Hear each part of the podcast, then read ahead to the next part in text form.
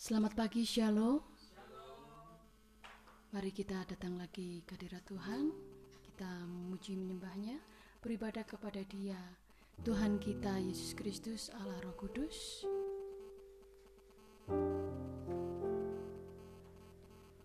Kita naikkan pujian kepadanya. Kuduskan tempat ini.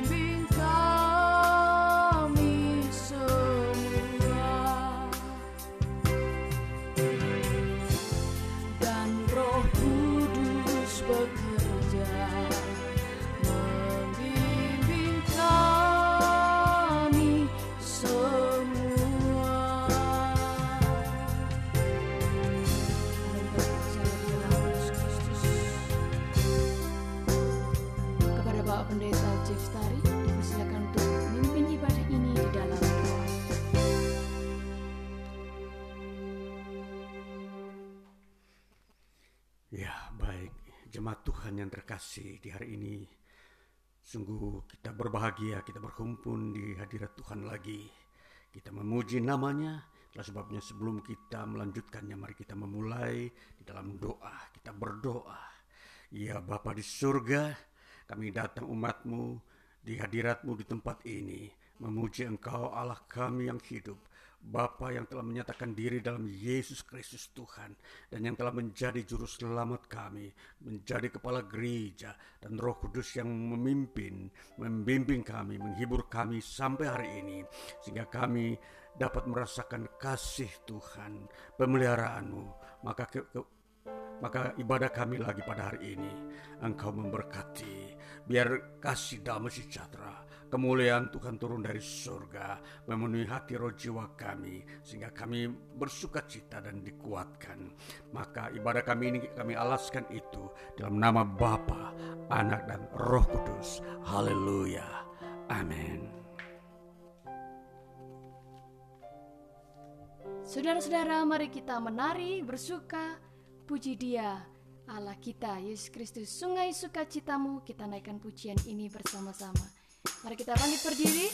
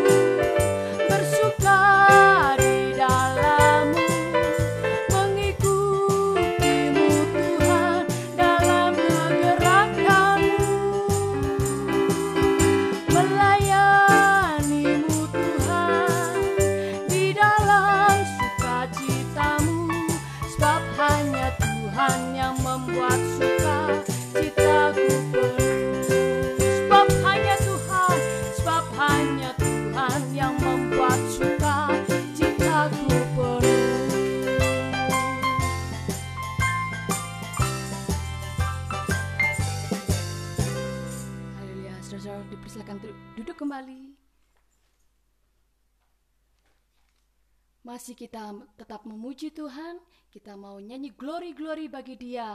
Dialah Yesus, Raja segala Raja. Nyanyi glory.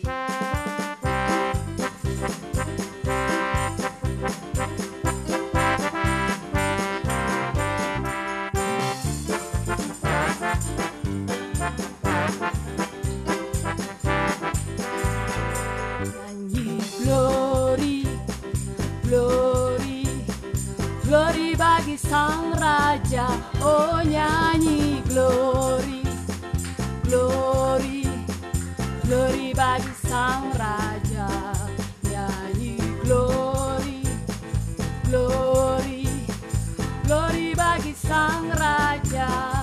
Mari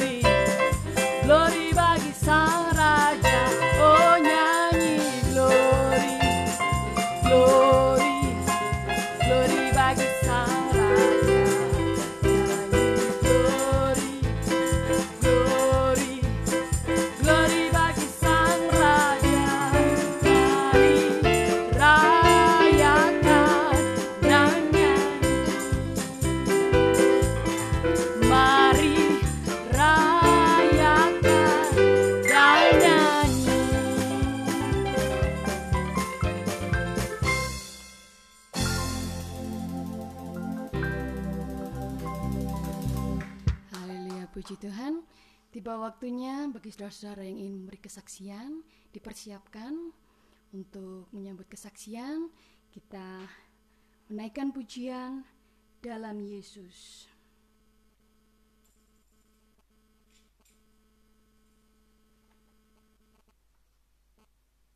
Ya, Yesuslah kekuatan hidup kita. Sungguh ajaiblah kuasa Tuhan bagi kita. Amin. Kekuatan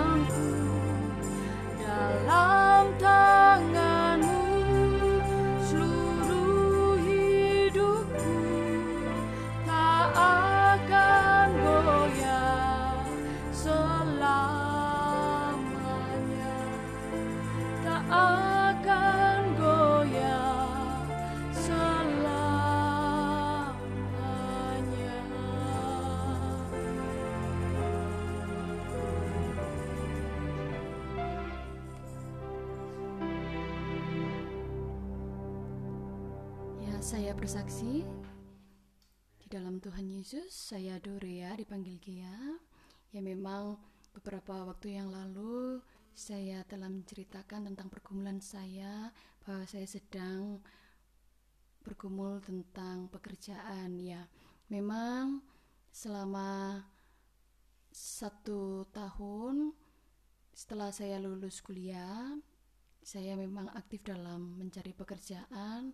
Beberapa atau banyak yang sudah saya taruh lamaran baik di perusahaan swasta maupun di negeri.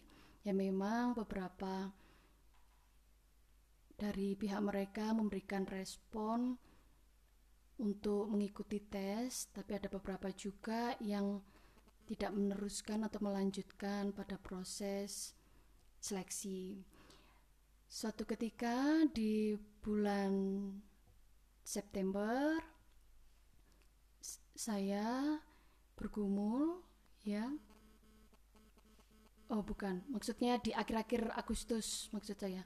Di akhir Agustus saya setelah berkomunikasi dengan orang tua memutuskan untuk doa puasa. Di situ bukan hanya tentang pergumulan pekerjaan, namun terlebih saya lebih mengoreksi diri juga merendahkan hati untuk mengerti tentang suara atau kehendak Tuhan di mana Tuhan akan memakai saya ke depannya. Karena selama ini ya saya hidup itu dengan kekuatan firman hanya berfokus pada apa saja yang saya minta kepada Tuhan, pasti Tuhan jawab di situ. Saya mengintrospeksi diri bahwa ya memang benar Tuhan menjawab setiap doa saya, tetapi hal-hal itu hanya mengarah kepada keinginan saya, bukan keinginan Tuhan. Saya tidak pernah bertanya apa sih yang menjadi keinginan Tuhan dalam hidup saya. Tetapi pada tahun ini, puji Tuhan, saya mengalami hal-hal yang memang sesuatu pergumulan bagi saya yang kok ke sana sini seperti sulit. Kok baru kali ini saya berdoa Tuhan supaya berikan pekerjaan namun tidak langsung seperti pada waktu yang dulu-dulu. Di sini saya lebih mengarah kepada mencari apa yang Tuhan inginkan dalam hidup saya. Saya ingin hidup lebih terarah pada tujuan Tuhan menciptakan saya. Pastinya untuk um, istilahnya mencapai apa yang Tuhan sudah rencanakan dalam hidup saya. Ya pastinya sebagai alat Tuhan ya. Dari situ saya berserah kepada Tuhan dan berkomitmen kepadanya. Ya Tuhan, untuk ke depannya saya tidak mau seperti waktu yang dulu-dulu. Dalam artian mau diubahkan, mau dibentuk untuk menjadi yang lebih berkualitas. Dalam artian bukan saja meminta apa yang diinginkan, tapi lebih mengerti apa yang Tuhan inginkan dalam hidup saya, termasuk dalam pekerjaan. Kalau dulunya Tuhan mendapati saya penuh keluhan karena hal-hal yang saya alami di masa lalu, untuk hari ini dan seterusnya saya mau berjalan bersama Engkau. Pasti segala sesuatunya tidak ada yang mustahil. Memang sempat waktu di bulan September tanggal 5 September saya mengikuti tes tulis di sekolah yaitu sekolah perguruan tinggi ya di Stiki Malang lalu selain itu saya juga menaruh lamaran lagi di tempat beberapa beberapa tempat. Tapi kemudian memberi respon itu adalah Stiki ada tes interview dan itu baru pertama kali dari sekian lembaga yang saya lamar hanya sedikit yang memberikan respon kelanjutan.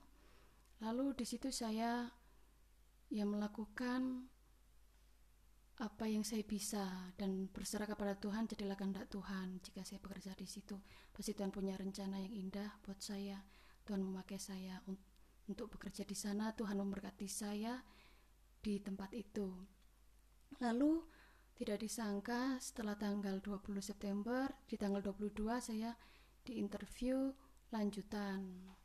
Di situ sudah ada penawaran gaji. Ya memang untuk nominal itu di bawah UMK Malang. Di situ saya berdoa sepanjang jalan untuk memutuskan untuk mempertimbangkan perkara hal tersebut Lalu saya berkonsultasi kepada kedua orang tua saya setelah saya tiba di rumah. Puji Tuhan, orang tua memberikan respon atau support positif supaya saya menerima pekerjaan ini. Bapak saya sebagai hamba Tuhan menyampaikan bahwa inilah waktunya Tuhan telah membuka jalan bagi saya sehingga saya harus lebih lagi percaya ya, tidak perlu khawatir tentang masalah gaji, pasti Tuhan akan memberikannya, mencukupkan segala sesuatu kebutuhan anak-anaknya. Ya, puji Tuhan, saya juga percaya bagi saudara-saudara yang saat ini sedang bergumul tentang pekerjaan, atau masih menganggur, saya juga dukung dalam doa bahwa pasti Tuhan memberikan tepat pada waktu bagi saudara-saudara dan saudara-saudara juga diberikan pekerjaan. Puji Tuhan, kembali lagi mengingat tentang apa yang Tuhan sudah berikan, kiranya kita melakukannya dalam kasih, dan itu juga sebagai komitmen awal saya juga lagi mengulang lagi tentang hal yang saya terima kepada Tuhan ini supaya firman Tuhan itu benar-benar saya praktekkan demikian juga saudara-saudara yang melakukan sesuatu dalam kasih bukan hanya dalam aspek pekerjaan atau pelayanan tapi dalam skala perkara. Kiranya kita semua bisa melakukannya menaati firmannya itu. Puji Tuhan. Sekian kesaksian dari saya. Tuhan Yesus memberkati. Selanjutnya bagi saudara-saudara yang ingin memberikan kesaksian melalui pujian dipersilahkan Ibu Foni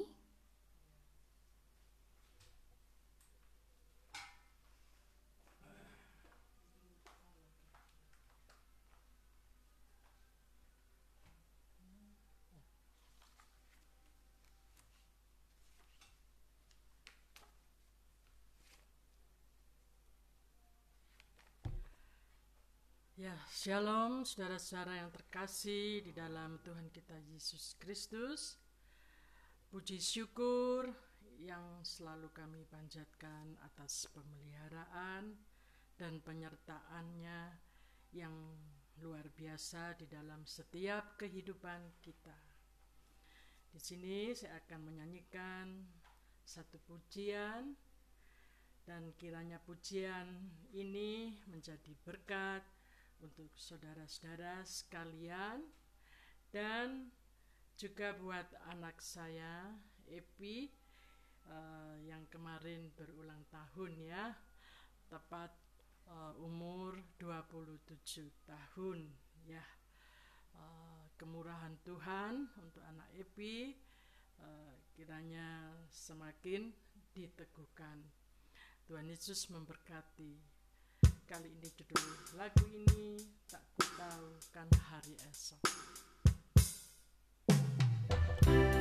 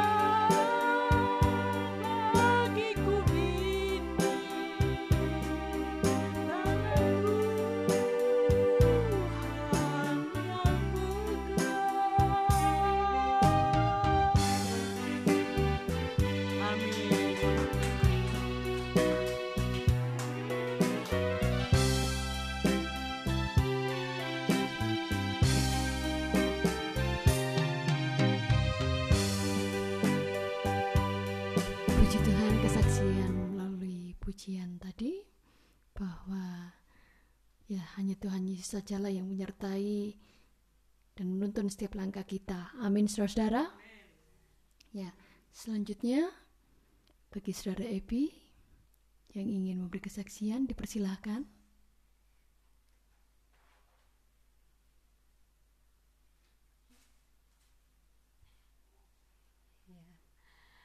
Ya, puji Tuhan. Selamat hari Minggu semuanya, Bapak Ibu Saudara sekalian.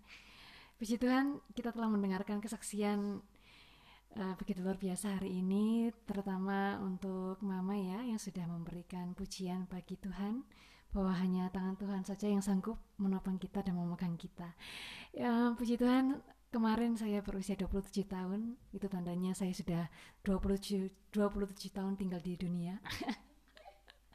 Tapi ya itu, ada tahun-tahun berikutnya yang akan Tuhan percayakan karena uh, saya percaya bahwa Tuhan punya maksud uh, menghadirkan saya bahkan saudara sekalian di muka bumi ini terutama untuk memuliakan dan memuji menyembah Dia.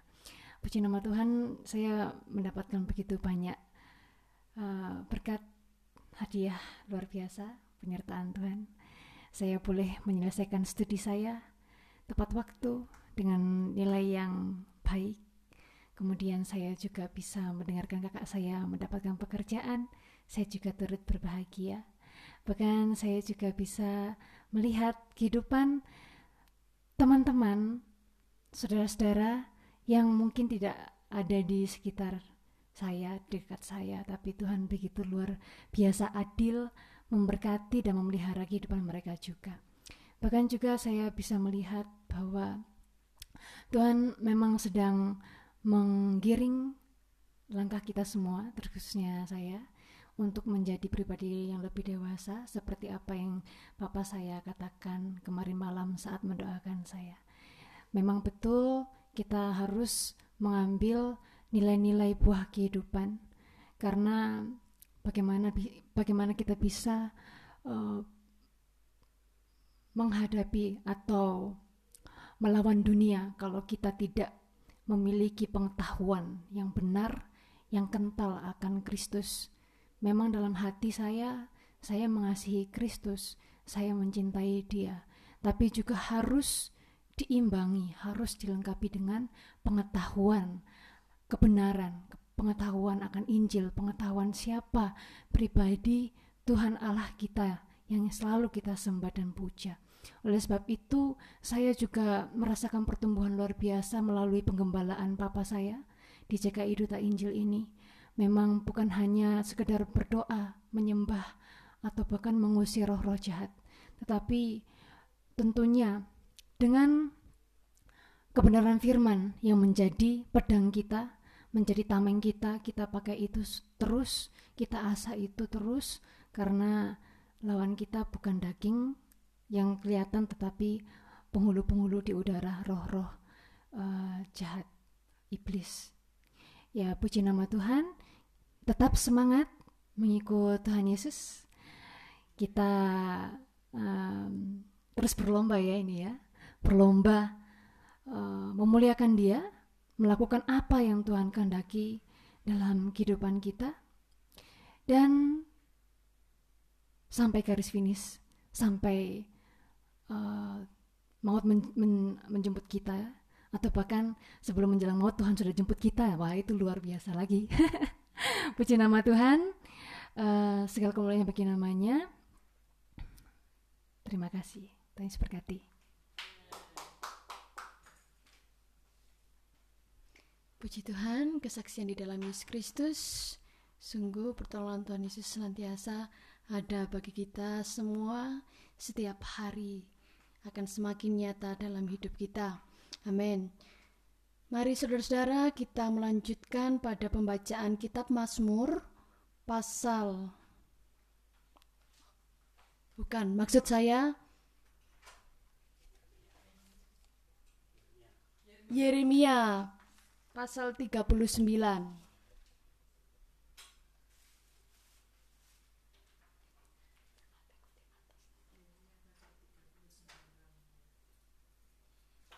Yeremia pasal 39 ayat 1 hingga 18.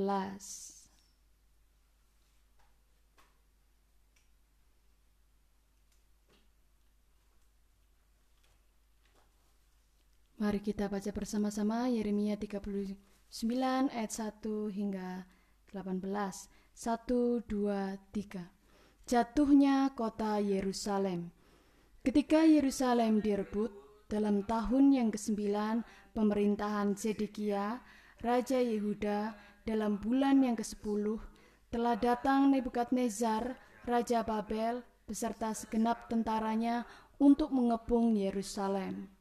Dalam tahun yang ke-11 pemerintahan Zedekia, dalam bulan yang keempat, pada tanggal 9 bulan itu, terbelahlah tembok kota itu. Maka datanglah para perwira Raja Babel itu lalu mengambil tempat di pintu gerbang tengah. Mereka itu ialah Nergal Sarezer, pembesar dari Sin Magir, panglima dan Nebusyasban, kepala istana, dan para perwira lainnya dari Raja Babel. Melihat mereka semuanya, maka Zedekia Raja Yehuda dengan semua tentara melarikan diri meninggalkan kota itu pada waktu malam dengan mengambil jalan Taman Raja dengan melalui pintu gerbang antara kedua tembok. Kemudian mereka berjalan menuju Araba Yordan. Tetapi tentara Kasdim itu mengejar mereka dan menyusul Zedekia di dataran Yeriko. Mereka menangkap dia dan membawa dia ke Riblah di tanah Hamat kepada Nebukadnezar, Raja Babel, yang menjatuhkan hukuman atas dia. Raja Babel menyuruh menyembeli anak-anak Zedekia di depan matanya di Ribla. Juga semua pembesar Yehuda disembelih oleh Raja Babel. Kemudian mata Zedekia dibutakannya, lalu ia dibelenggu dengan rantai tembaga untuk dibawa ke Babel. Orang-orang Kasdi membakar istana raja dan perumahan rakyat dengan api, lalu mereka merobohkan tembok-tembok Yerusalem. Kemudian Nebuzaradan, kepala pasukan pengawal, mengangkut ke dalam pembuangan ke Babel sisa-sisa rakyat yang masih tinggal di kota itu, dan para pembelot yang menyeberang ke pihaknya, dan sisa-sisa para pekerja tangan. Tetapi sebagian dari rakyat, yakni orang-orang miskin yang tidak mempunyai apa-apa, ditinggalkan di tanah Yehuda oleh Nebuzaradan, kepala pasukan pengawal. Pada waktu itu juga diberikan nyala kebun-kebun anggur dan ladang-ladang kepada mereka. Perintah Nebukadnezar untuk melindungi Yeremia. Mengenai Yeremia, Nebukadnezar, Raja Babel, telah memberi perintah dengan perantaraan Nebuzaradan, kepala pasukan pengawal bunyinya. Bawalah dan perhatikanlah dia, janganlah apa-apakan dia, melainkan haruslah kau lakukan kepadanya sesuai dengan permintaannya kepadamu. Maka Nebuzaradan kepala pasukan pengawal beserta Nebusyazban kepala istana dan Nergal Sarezer panglima dan semua perwira tinggi Raja Babel mengutus orang mereka menyuruh mengambil Yeremia dari pelataran penjagaan lalu menyerahkannya kepada Gedalia bin Ahikam bin Safan untuk membebaskannya supaya pulang ke rumah. Demikianlah Yeremia tinggal di tengah-tengah rakyat. Janji kepada Ebed Melek bahwa ia akan dilepaskan. Selagi Yeremia masih terkurung di pelataran penjagaan, firman Tuhan datang kepadanya, bunyinya, Pergilah kepada Ebed Melek, orang Ethiopia itu, dan katakanlah kepadanya, Beginilah firman Tuhan semesta alam, Allah Israel, Sesungguhnya firmanku terhadap kota ini akan kulaksanakan untuk kemalangan dan bukan untuk kebaikannya. Dan semuanya itu akan terjadi di depan matamu pada waktu itu juga. Pada waktu itu juga demikianlah firman Tuhan, aku akan melepaskan engkau dan engkau tidak akan diserahkan ke dalam tangan orang-orang yang kau takuti. Tetapi dengan pasti aku akan meluputkan engkau, engkau tidak akan rebah oleh pedang, nyawamu akan menjadi jarahan bagimu, sebab engkau percaya kepadaku, demikianlah firman Tuhan. Puji Tuhan, mari kita melanjutkan untuk menyambut firman Tuhan, kita siapkan hati kita, kita naikkan pujian. Bapa pegang tanganku.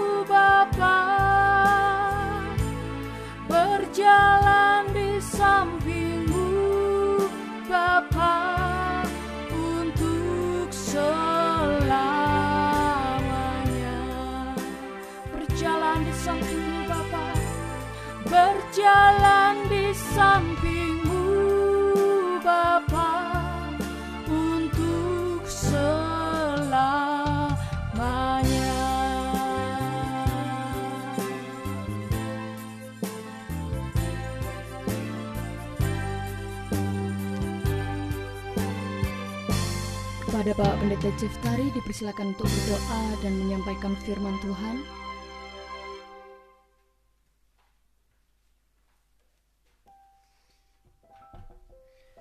Ya, jemaat Tuhan yang terkasih, mari kita masuk dalam doa kita untuk men- mendengarkan firman Tuhan lagi. Kepadamu Bapa Tuhan kami, Yesus Kristus, ya Roh Kudus, kami menaikkan segala doa dan nyanyian iman kami. Bahwa kami telah datang untuk beribadah. Kami telah datang memandang wajahmu. Kami telah datang di hadiratmu untuk bersekutu dengan dikau. Menaikkan doa kami dan memuliakan namamu yang kudus dan mengagungkan engkau yang maha kuasa juru selamat kami penebus dosa kami. Dan di sinilah ya Tuhan tempat kami mendapatkan perteduhan yang sejati. Kami mendapatkan sebuah pengayoman perlindungan Tuhan. Maka hari ini dengan penuh kerinduan lagi kami sebagai umat tebusanmu akan mendengarkan firmanmu lagi. Tuhan memberkati Tuhan Yesus mengenyangkan kami dengan firmanmu dan kuasa yang ada dalam firmanmu.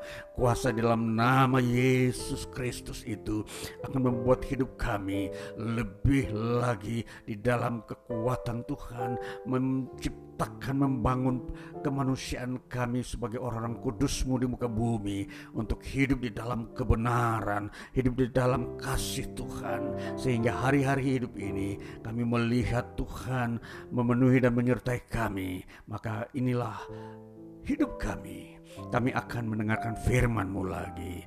Berkati itu ya Roh Kudus, buatlah kami bersuka cita di dalam sepanjang hari hidup hari-hari hidup kami ini. Hari ini terus sampai selama-lamanya. Segala kemuliaan, hormat, pujian bagimu Tuhan kami, Allah kami, Yesus Tuhan Juru Selamat kami, Raja di atas segala Raja. Kami telah berdoa dan mengucap syukur. Haleluya. Amin.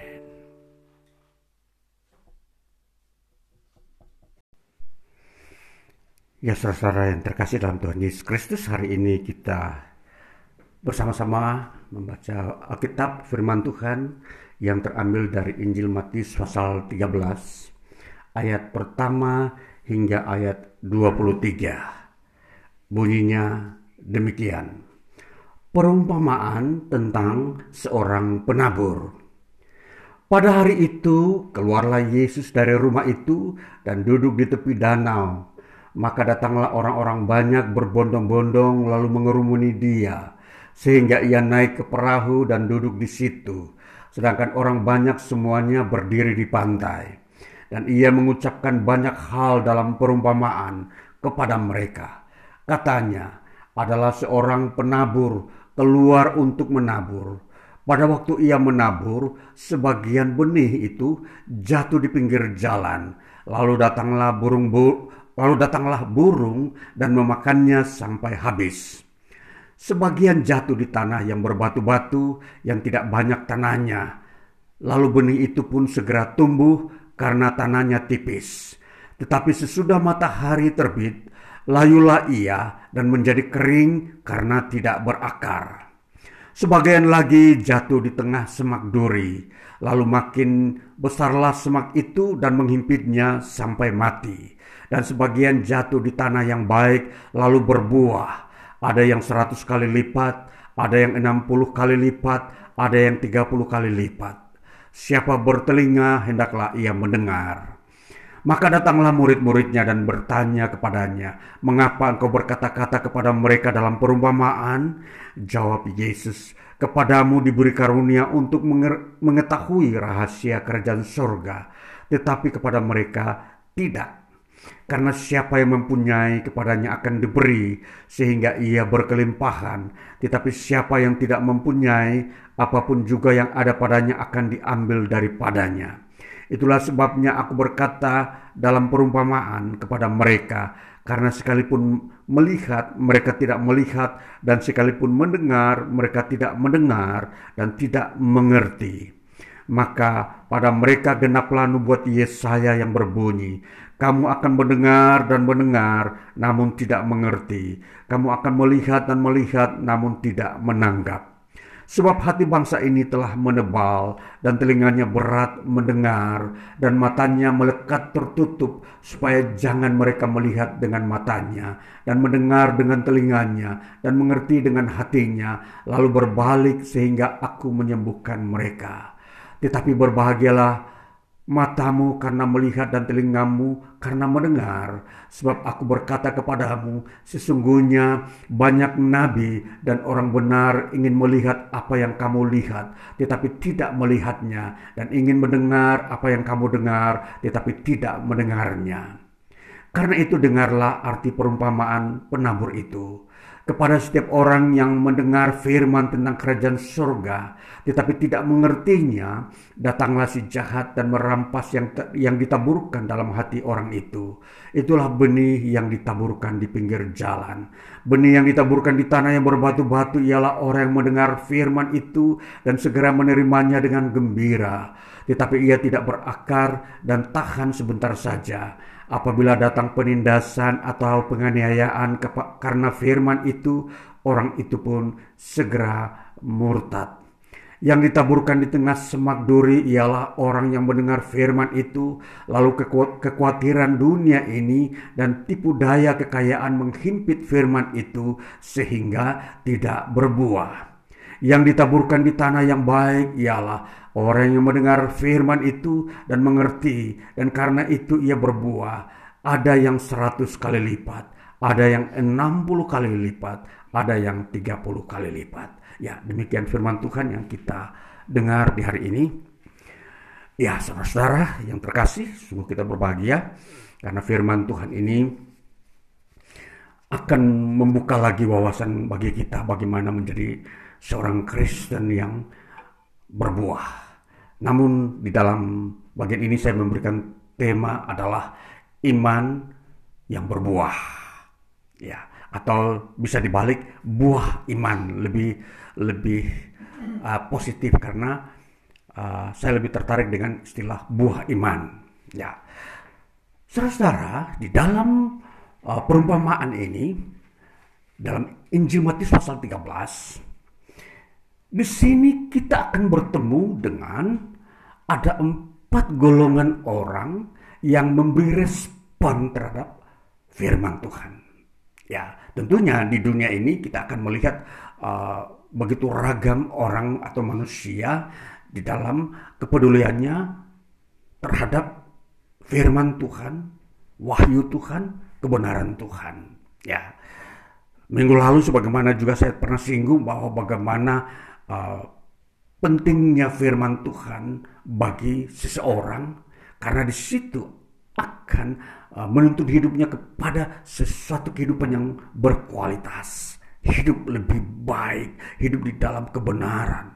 Nah, itulah yang menjadi uh, inti uh, penyampaian berita firman Tuhan untuk kita saudara-saudara supaya kita menjadi manusia yang lebih berkualitas yang bertanggung jawab baik terhadap Tuhan dan terhadap diri kita sendiri. Jadi ini kita mau memperhatikan betapa kita uh, selalu mau uh, mempersiapkan diri kita. Sekarang kita mau memperhatikan, kita mau melihat makna daripada perumpamaan yang Tuhan Yesus sampaikan.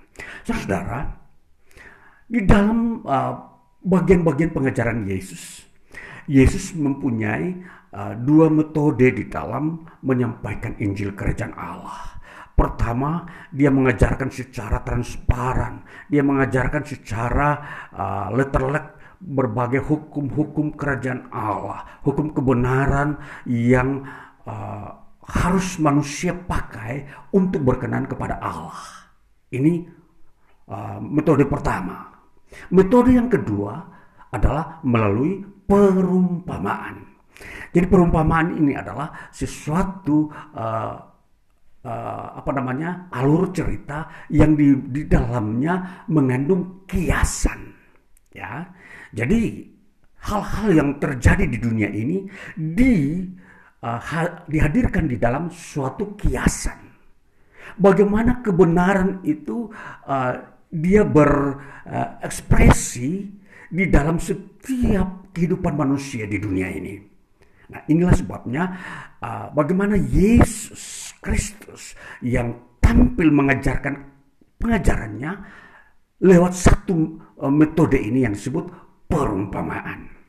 Sekarang kita mau memperhatikan dikatakan di sini perumpamaan tentang seorang penabur. Kalau di sini yang dikisahkan sebenarnya bukan penaburnya, tetapi tempat taburan yang harus menjadi uh, uh, fokus pemikiran yang harus kita uh, telaah atau kita uh, bukakan di sini. Yang pertama dikatakan Ayat yang keempat dikatakan, pada waktu ia menabur, sebagian benih jatuh di pinggir jalan. Nah, ini kita mulai mulai. Bagaimana benih? Seorang penabur membawa benih. Katakanlah benih itu uh, setiap uh, tradisi seorang penabur benih atau petani, dia membawa uh, sebuah uh, tempat untuk menabur benih atau uh, menampung benih maksudnya. Yang biasanya di sini adalah benih gandum. Nah, di dalam ladang yang sudah ada di yang dia punyai, ya katakanlah kita mengambil uh, sebuah kiasan seperti ini dulu bahwa ladang itu ternyata tidak semua terdiri dari tanah yang subur.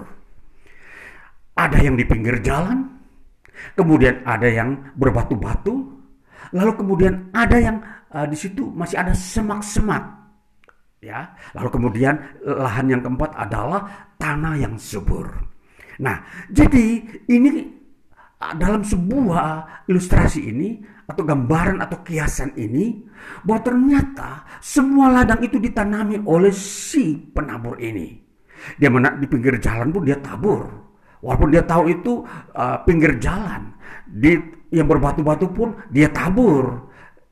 Karena dia beranggapan tanah ini tidak boleh menganggur, tidak boleh ada yang kosong atau tidak terpakai untuk uh, uh, perkebunannya dia. Dan bahkan ada yang uh, sudah ada semak belukar di situ uh, tumbuh, dia pun tabur. Dan akhirnya benih-benih uh, ini pun semua akhirnya bisa tumbuh. Dan kita mau memperhatikan bagaimana uh, bagian-bagian pertama ini itu kita bahas dan kita melihat maknanya. Di dalam perumpamaan ini tentunya ini bukan uh, berbicara hanya uh, dari sisi sebuah pekerjaan seorang petani. Tetapi ini berbicara tentang respon atau respek manusia terhadap berita Injil atau firman Allah. Dan tentunya di sini dalam perumpamaan ini sebuah gambaran bagaimana Yesus Kristus memperlihatkan seorang penabur ini bagaikan seorang uh, pekerja dari pihak kerajaan Allah. Itulah sebabnya sering kali seorang penabur ini diarahkan kepada dialah Yesus Tuhan itu. Nah, saudara, jadi kalau kita melihat di sini bahwa benih yang pertama kita memperhatikan sebagian.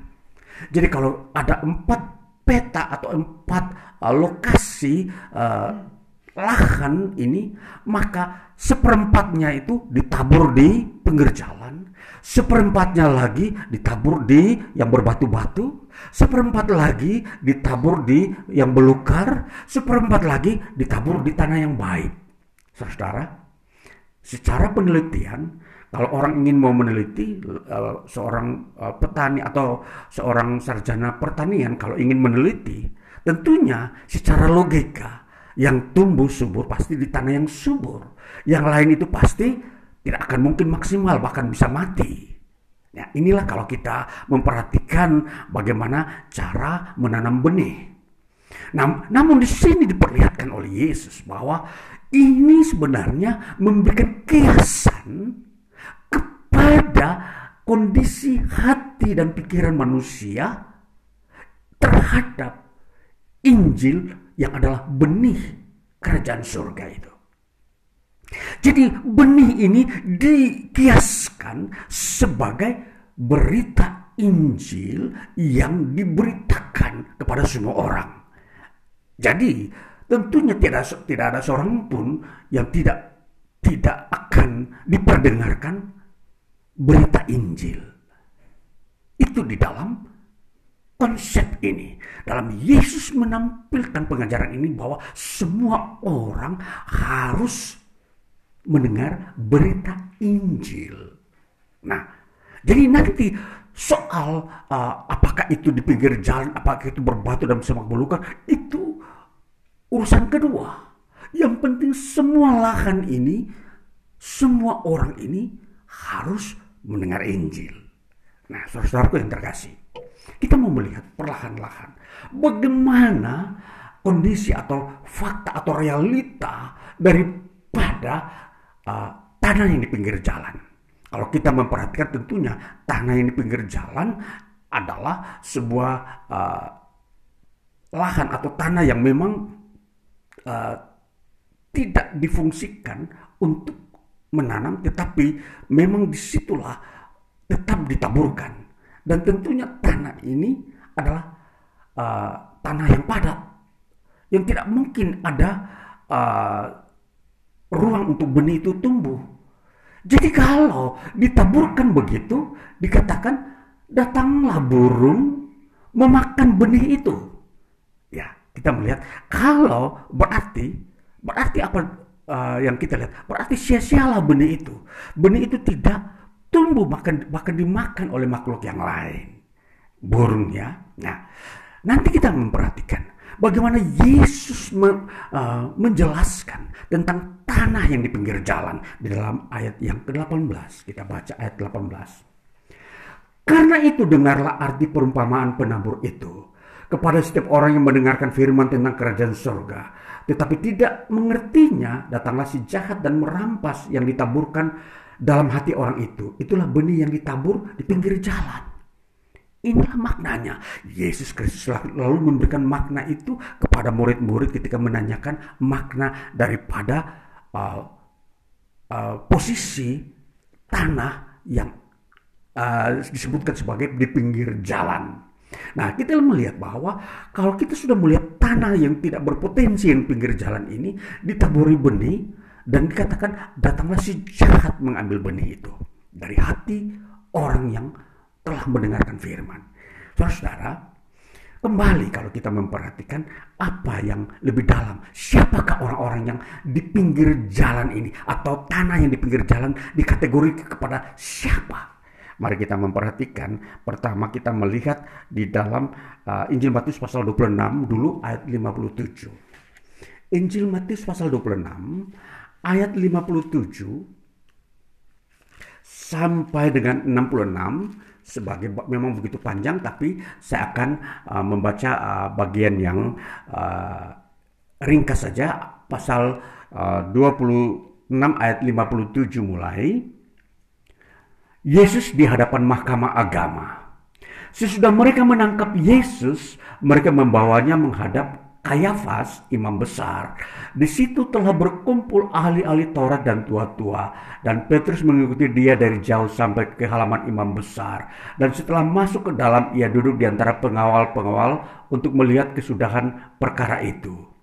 Imam-imam kepala malah malah seluruh mahkamah agama, agama mencari kesaksian palsu terhadap Yesus supaya ia dapat dihukum mati tetapi mereka tidak memperolehnya walaupun tampil banyak saksi dusta. Tetapi akhirnya tampillah dua orang yang mengatakan, orang ini berkata aku dapat merubuhkan bait Allah dan membangunnya kembali dalam tiga hari.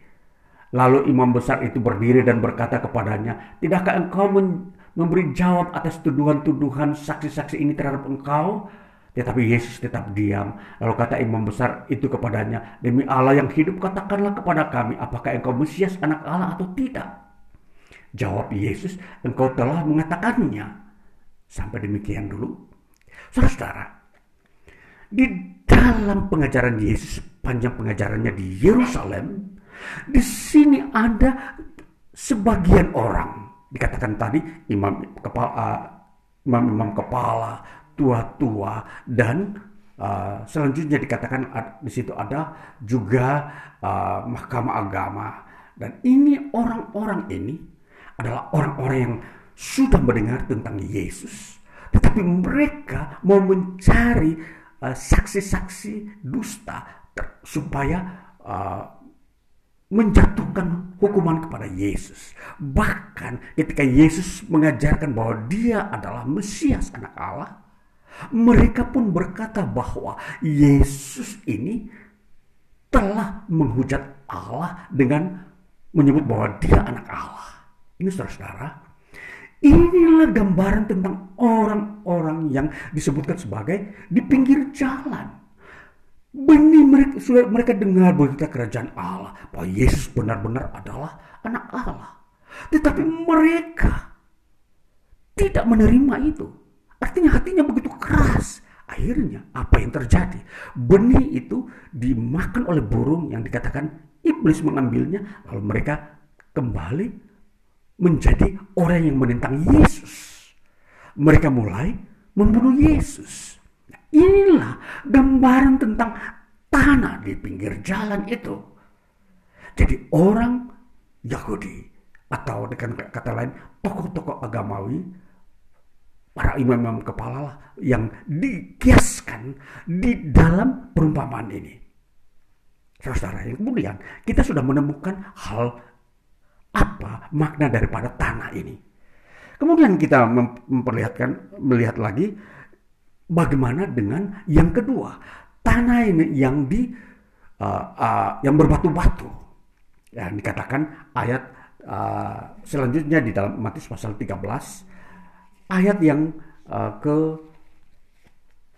20 dikatakan benih yang ditaburkan di tanah yang berbatu-batu ialah orang yang mendengar firman itu dan segera menerimanya dengan gembira. Tetapi ia tidak berakar dan tahan sebentar saja apabila datang penindasan atau penganiayaan karena firman itu orang itu pun segera murtad saudara jadi tanah yang berbatu ini Orang ini betul-betul datang mendengarkan firman. Dia gembira. Ya. Tetapi ketika datang penganiayaan, datang sebuah uh, penderitaan yang mau menentang firman yang dia telah terima, dia menjadi murtad, meninggalkan kebenaran itu. Mari kita memperhatikan contoh ini di dalam 2 Timotius 1 ayat 15 kita melihat bagaimana orang-orang yang meninggalkan kebenaran ini. 2 Timotius pasal yang pertama ayatnya yang ke-15. 2 Timotius 1 ayat 15 bunyinya begini. Engkau tahu bahwa semua mereka yang di daerah Asia kecil berpaling daripadaku, termasuk Vegelus dan Hermogenes. Ya, ini Paulus yang menulis kepada Timotius bahwa orang-orang di Asia kecil yang di dalamnya juga ada nama-nama atau tokoh-tokohnya adalah Figelus dan Hermogenes itu meninggalkan Paulus yang sedang membela atau hidup di dalam uh, Injil walaupun dia sedang ada dalam penderitaan. Ya, ada dalam kesukaran. Jadi uh, dan Hermogenes dan orang-orang di Asia kecil itu tidak mau hidup di dalam uh, bertekun dalam iman sekalipun ada kesukaran menentang Injil. Nah inilah disebut tanah yang berbatu-batu. Orang-orang yang tidak tahan terhadap pengenaian dan penderitaan ketika hal itu terjadi. Jadi ini saudara-saudara, ini uh, kita sudah melihat bagaimana uh, yang kedua tanah yang berbatu-batu. Sekarang kita masuk kepada yang ketiga yaitu uh, tanah yang uh, ada tumbuh semak bolik belukar. di dalam Injil Matius 13 lagi kita melihat lagi ayatnya yang selanjutnya ayat 22. Yang ditaburkan di tengah semak duri ialah orang orang yang mendengar firman itu lalu kekhawatiran dunia ini dan tipu daya kekayaan menghimpit firman itu sehingga tidak berbuah. Nah, saudara, ini ini yang tumbuh di tak benih yang ditabur di semak belukar. Dia tetap tumbuh benihnya, tetapi dia sayangnya tidak berbuah. Dengan kata lain, kalau benih itu adalah gandum. Semak belukar itu lebih tinggi daripada gandum secara uh, postur tubuh. Jadi semak belukar bisa tinggi sampai 2 meter. Sedangkan gandum bisa saja hanya uh, 50 cm atau 70 cm. Jadi kalau tumbuhan dengan demikian, makanya dia tidak akan berbuah. Dia hanya tumbuh. Nah, ini saudara-saudara, ini gambaran dengan tentang orang yang datang mendengarkan firman. Dia dengar, dia aktif, dia bertumbuh, ya. Tetapi ketika ada kekhawatiran di dunia ini, dia khawatir tentang dunia, bahkan kekhawatirannya tentang kekayaan yang menghimpit dirinya. Dia menjadi apa? Tidak berbuah. Apa itu tidak berbuah? Tidak berbuah di dalam sebuah bentuk ialah dia suam-suam kuku. Mari kita buka di dalam uh, contoh dalam Wahyu pasal 3 ayat 14 sampai 17. Kitab Wahyu pasal 13, pasal yang ketiga maksudnya ayat 14 sampai 17 dikatakan begini kepada jemaat di Laodikia. Dan tuliskanlah kepada malaikat jemaat di Laodikia. Inilah firman dari Amin, saksi yang setia dan benar, permulaan dari ciptaan Allah. Aku tahu segala pekerjaanmu, engkau tidak dingin dan tidak panas. Alangkah baiknya jika engkau dingin atau panas.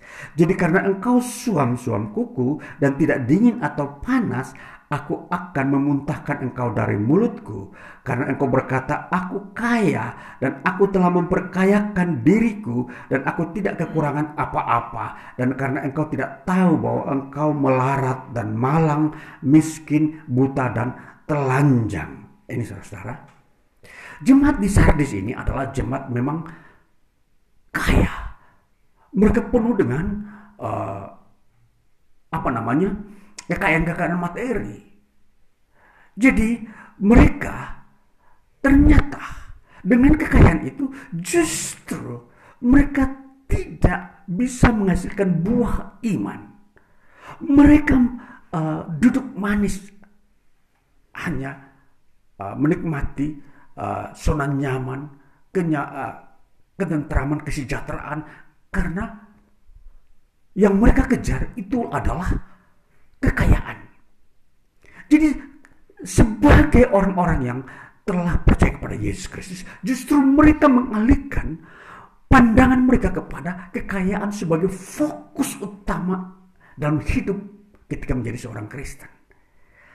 Jadi di situlah yang menjadi orientasi, ya pengenalan mereka bahwa hidup ini itu ditekankan kepada kekayaan bukan kepada bagaimana iman itu berbuah.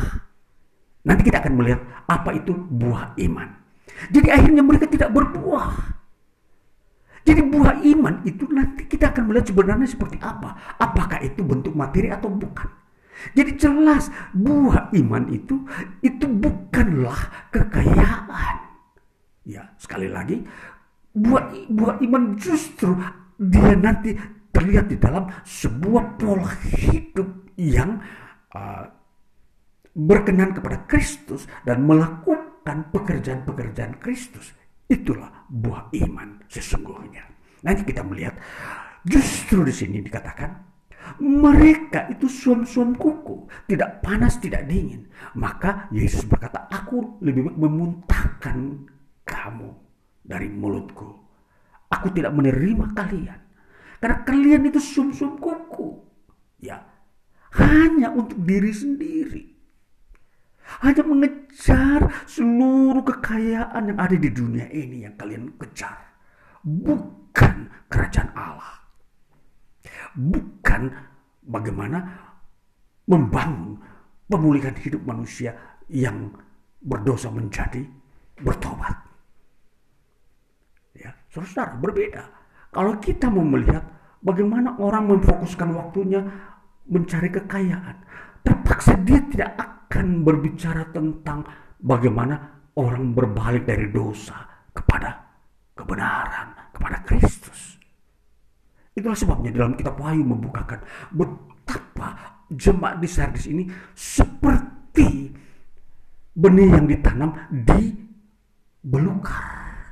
Mereka tumbuh tetapi tidak berbuah. Inilah makna yang ketiga. Sekarang kita mau melihat makna yang keempat. Bagaimana benih yang ditabur di tanah yang subur.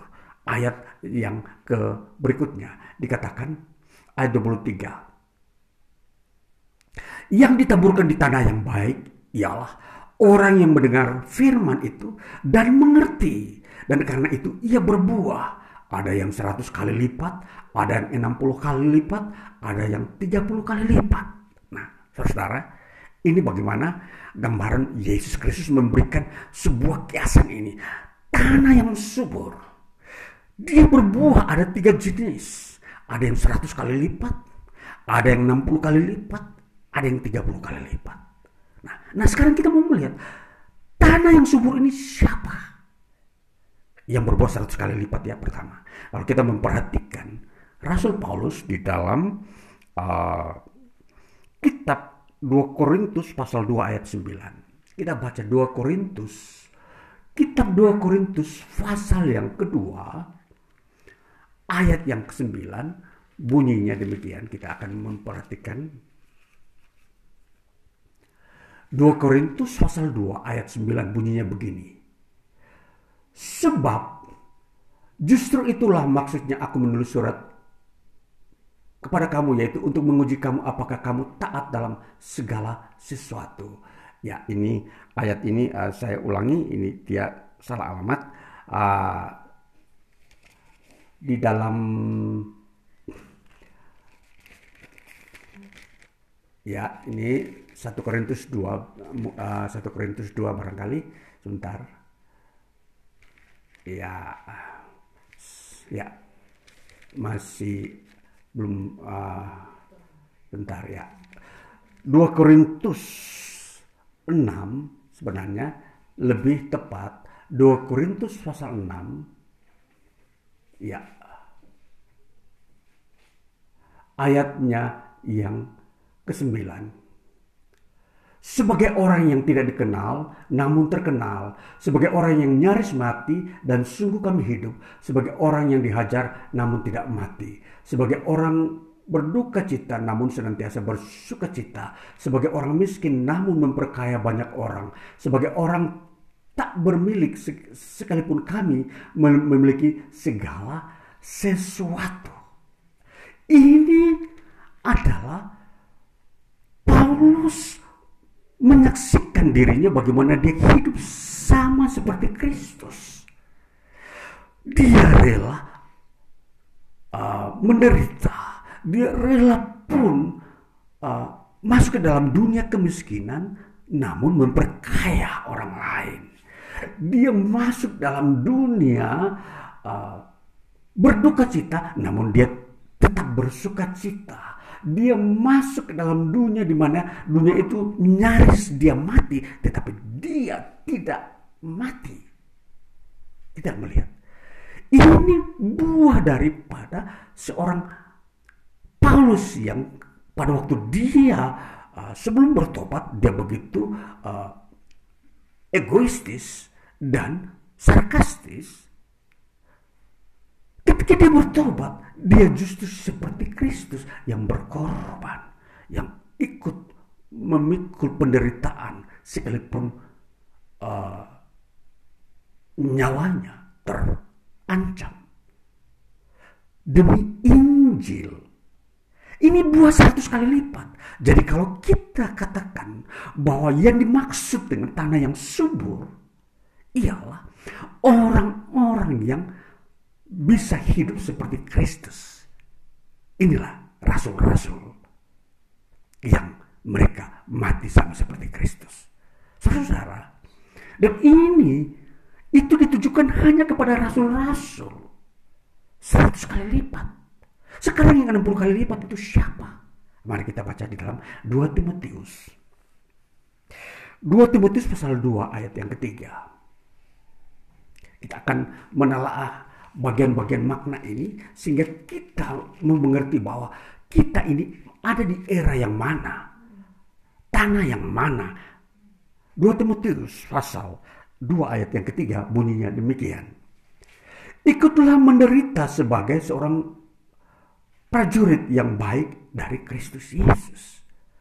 Timotius adalah murid Paulus. Jadi dengan kata lain bahwa generasi kedua setelah setelah rasul-rasul. Rasul-rasul adalah generasi pertama yang buahnya 100 kali lipat. Sedangkan murid-murid rasul-rasul ini generasi kedua yang buahnya 60 kali lipat. Timotius, Titus, mereka adalah murid-murid Rasul Paulus, Filemon. Ini mereka yang 60 kali lipat yang ikut menderita sama seperti Rasul. Lalu siapa yang 30 kali lipat? Kita memperhatikan. Ini adalah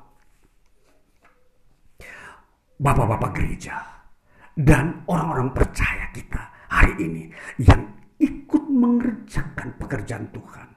Berkorban untuk uh, menjangkau orang-orang yang terpencil. Saudara, kalau di dalam di dalam pekerjaan pemberitaan Injil Paulus ada seseorang uh, pengusaha kain uh, yang ikut mengorbankan kekayaannya uangnya kepada Paulus agar dia bisa sampai ke Roma di dalam pemberitaan Injil. Ini kalau kita memperhatikan, ini orang-orang golongan ketiga. Orang-orang yang memperhatikan pekerjaan pemberitaan Injil. Itulah tanah yang menghasilkan 30 kali lipat. Baiklah kita mau mengerti ini. Kita menjadi tanah yang 30 kali lipat. Karena yang 100 kali lipat itu miliknya rasul-rasul.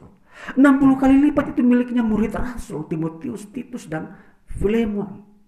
Dan juga yang uh, yang ada setara dengan mereka di dalam kitab Korintus ada Apolos, ada Barnabas. Mereka itu adalah orang-orang generasi di bawahnya rasul.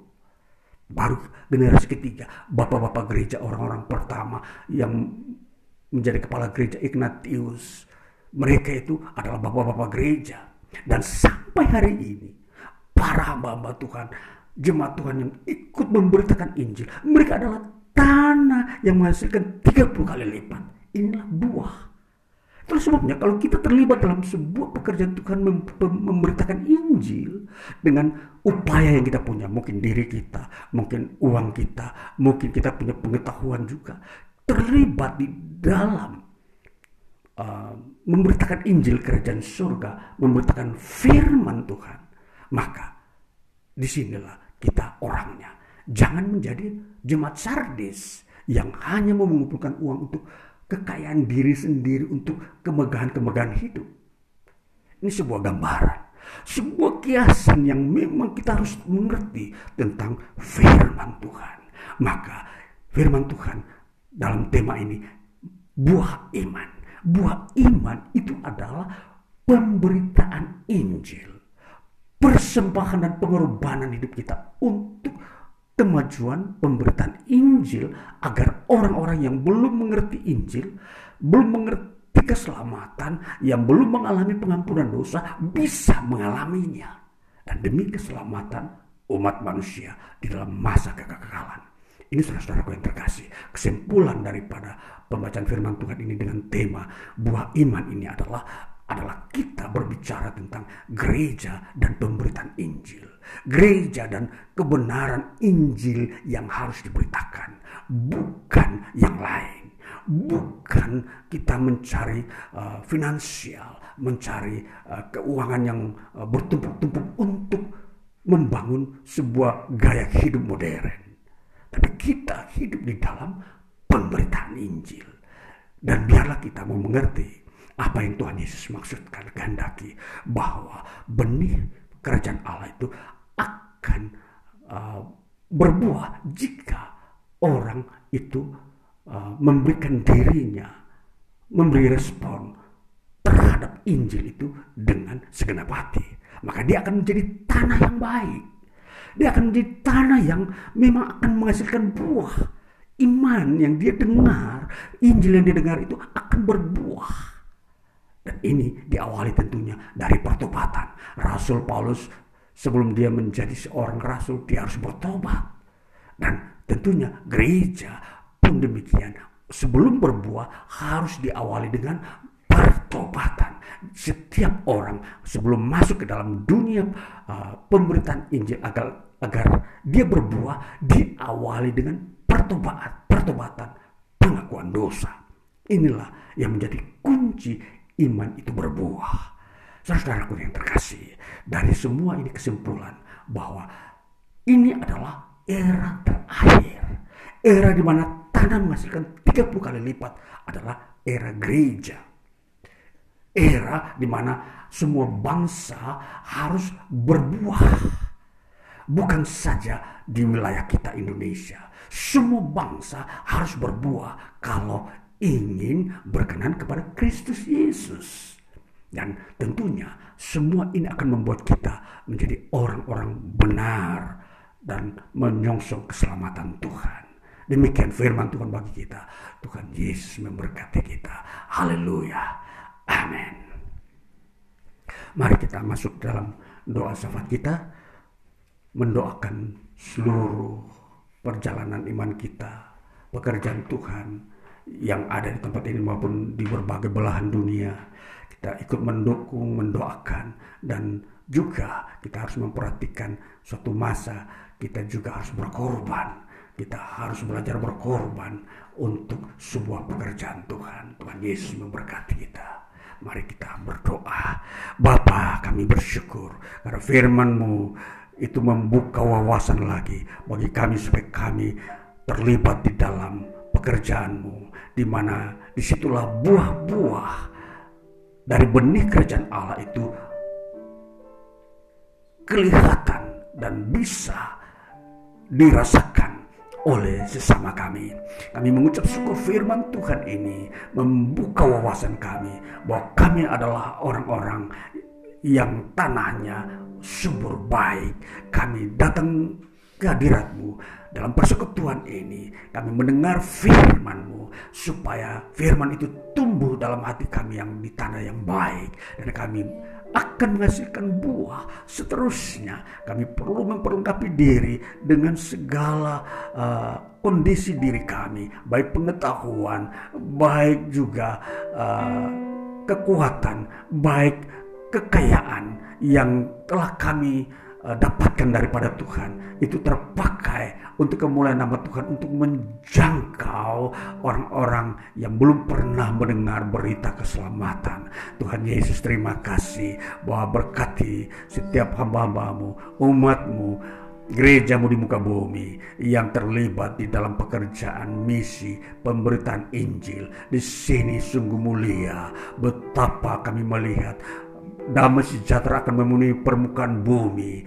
Kemuliaan Tuhan akan memenuhi setiap hati orang dan setiap bangsa. Dan mereka akan merasa bersuka cita, dipelihara, diberkati Tuhan. Tidak ada lagi sebuah keluhan-keluhan karena dosa-dosa yang menguasai kehidupan dunia ini. Maka biarlah umatmu di hari ini yang hadir tengah-tengah ini yang mendengarkan firmanmu maupun mereka yang mendengarkan firman firman-Mu melalui uh, podcast maupun YouTube Tuhan Yesus memberkati setiap mereka. Sungguh Tuhan, manusia membutuhkan pembaruan, perkenanan di hadapan-Mu. Itulah sebabnya kami berdoa lagi supaya berkat Tuhan terus dilimpahkan kepada umat-Mu, kepada manusia secara global agar terjadi pemulihan secara global, secara besar-besaran bahwa manusia datang menyembah Tuhan. Maka biar berita Injil itu diberitakan di era kami, biar semua orang di pedalaman di kota besar sekalipun dapat mendengar dan merasakan kuasa Tuhan jamahanmu pembaruan dan pemeliharaan bahkan berkatmu, keselamatanmu itu sendiri akan berwujud dalam hidup pribadi dan keluarga bahkan bangsa. Oh Tuhan terima kasih. Maka segala kemuliaan hormat bagimu kami menaikkan doa sahabat kami ini berkati gereja-gerejamu di tengah bangsa kami Indonesia. Berkati juga setiap keluarga rumah tangga jemaatmu ini di dalam hidup pekerjaan dan rumah tangga damai sejahtera untuk Tuhan memenuhi mereka pagi siang dan malam dan kau memberkati mereka juga dengan makanan minuman dan kesehatan. Mereka dicukupkan dan mereka terus terlibat dalam persekutuan dengan Tuhan, melihat kebenaranmu selalu uh, menuntun jalan-jalan hidup. Berkati setiap pribadi kami bersyukur ada uh, jemaatmu yang menerima berkatmu dalam bentuk pekerjaan, menerima berkatmu dalam pertambahan usia. Terpujilah Tuhan yang memberikan semua itu. Terpujilah Tuhan yang berkarya terus memelihara kami sampai selama-lamanya. Maka hari ini engkau juga lawat mereka dengan firmanmu. Mereka yang sakit, engkau sembuhkan lalu lawat mereka. Baik di rumah sakit mereka yang juga yang ada dalam kondisi uh, perjuangan-perjuangan dalam hidup ini, baik ekonomi, kiranya mereka pun ditolong Tuhan. Pelihara, peliharalah setiap umatmu dalam kebenaran. Terima kasih. Maka segala kemuliaan hormat pujian dari uh, dari kami kepada Tuhan di surga. Maka turunlah anugerah Tuhan dari surga atas kami umatmu kasih daripada Bapa bersekutu dengan Tuhan Yesus Kristus. Penguburan Roh Kudus menyertai kami terus sampai selama-lamanya. Dan kami berdoa sesuai dengan apa yang Tuhan ajarkan kepada kami. Bapa kami yang di surga dikuduskanlah namamu datanglah kerajaanmu. Jadilah kehendakmu di bumi seperti di surga. Berikanlah kami pada hari ini makanan kami yang secukupnya. Dan ampunilah kami akan kesalahan kami. Seperti kami juga mengampuni orang yang bersalah kepada kami. Dan jangan membawa kami ke dalam pencobaan, tapi lepaskanlah kami daripada yang jahat, karena engkau yang punya kerajaan, kuasa dan kemuliaan sampai selama-lamanya. Terima kasih Yesus. Terima kasih Yesus. Puji syukur hanya bagimu. Ya Allahku ya Tuhanku.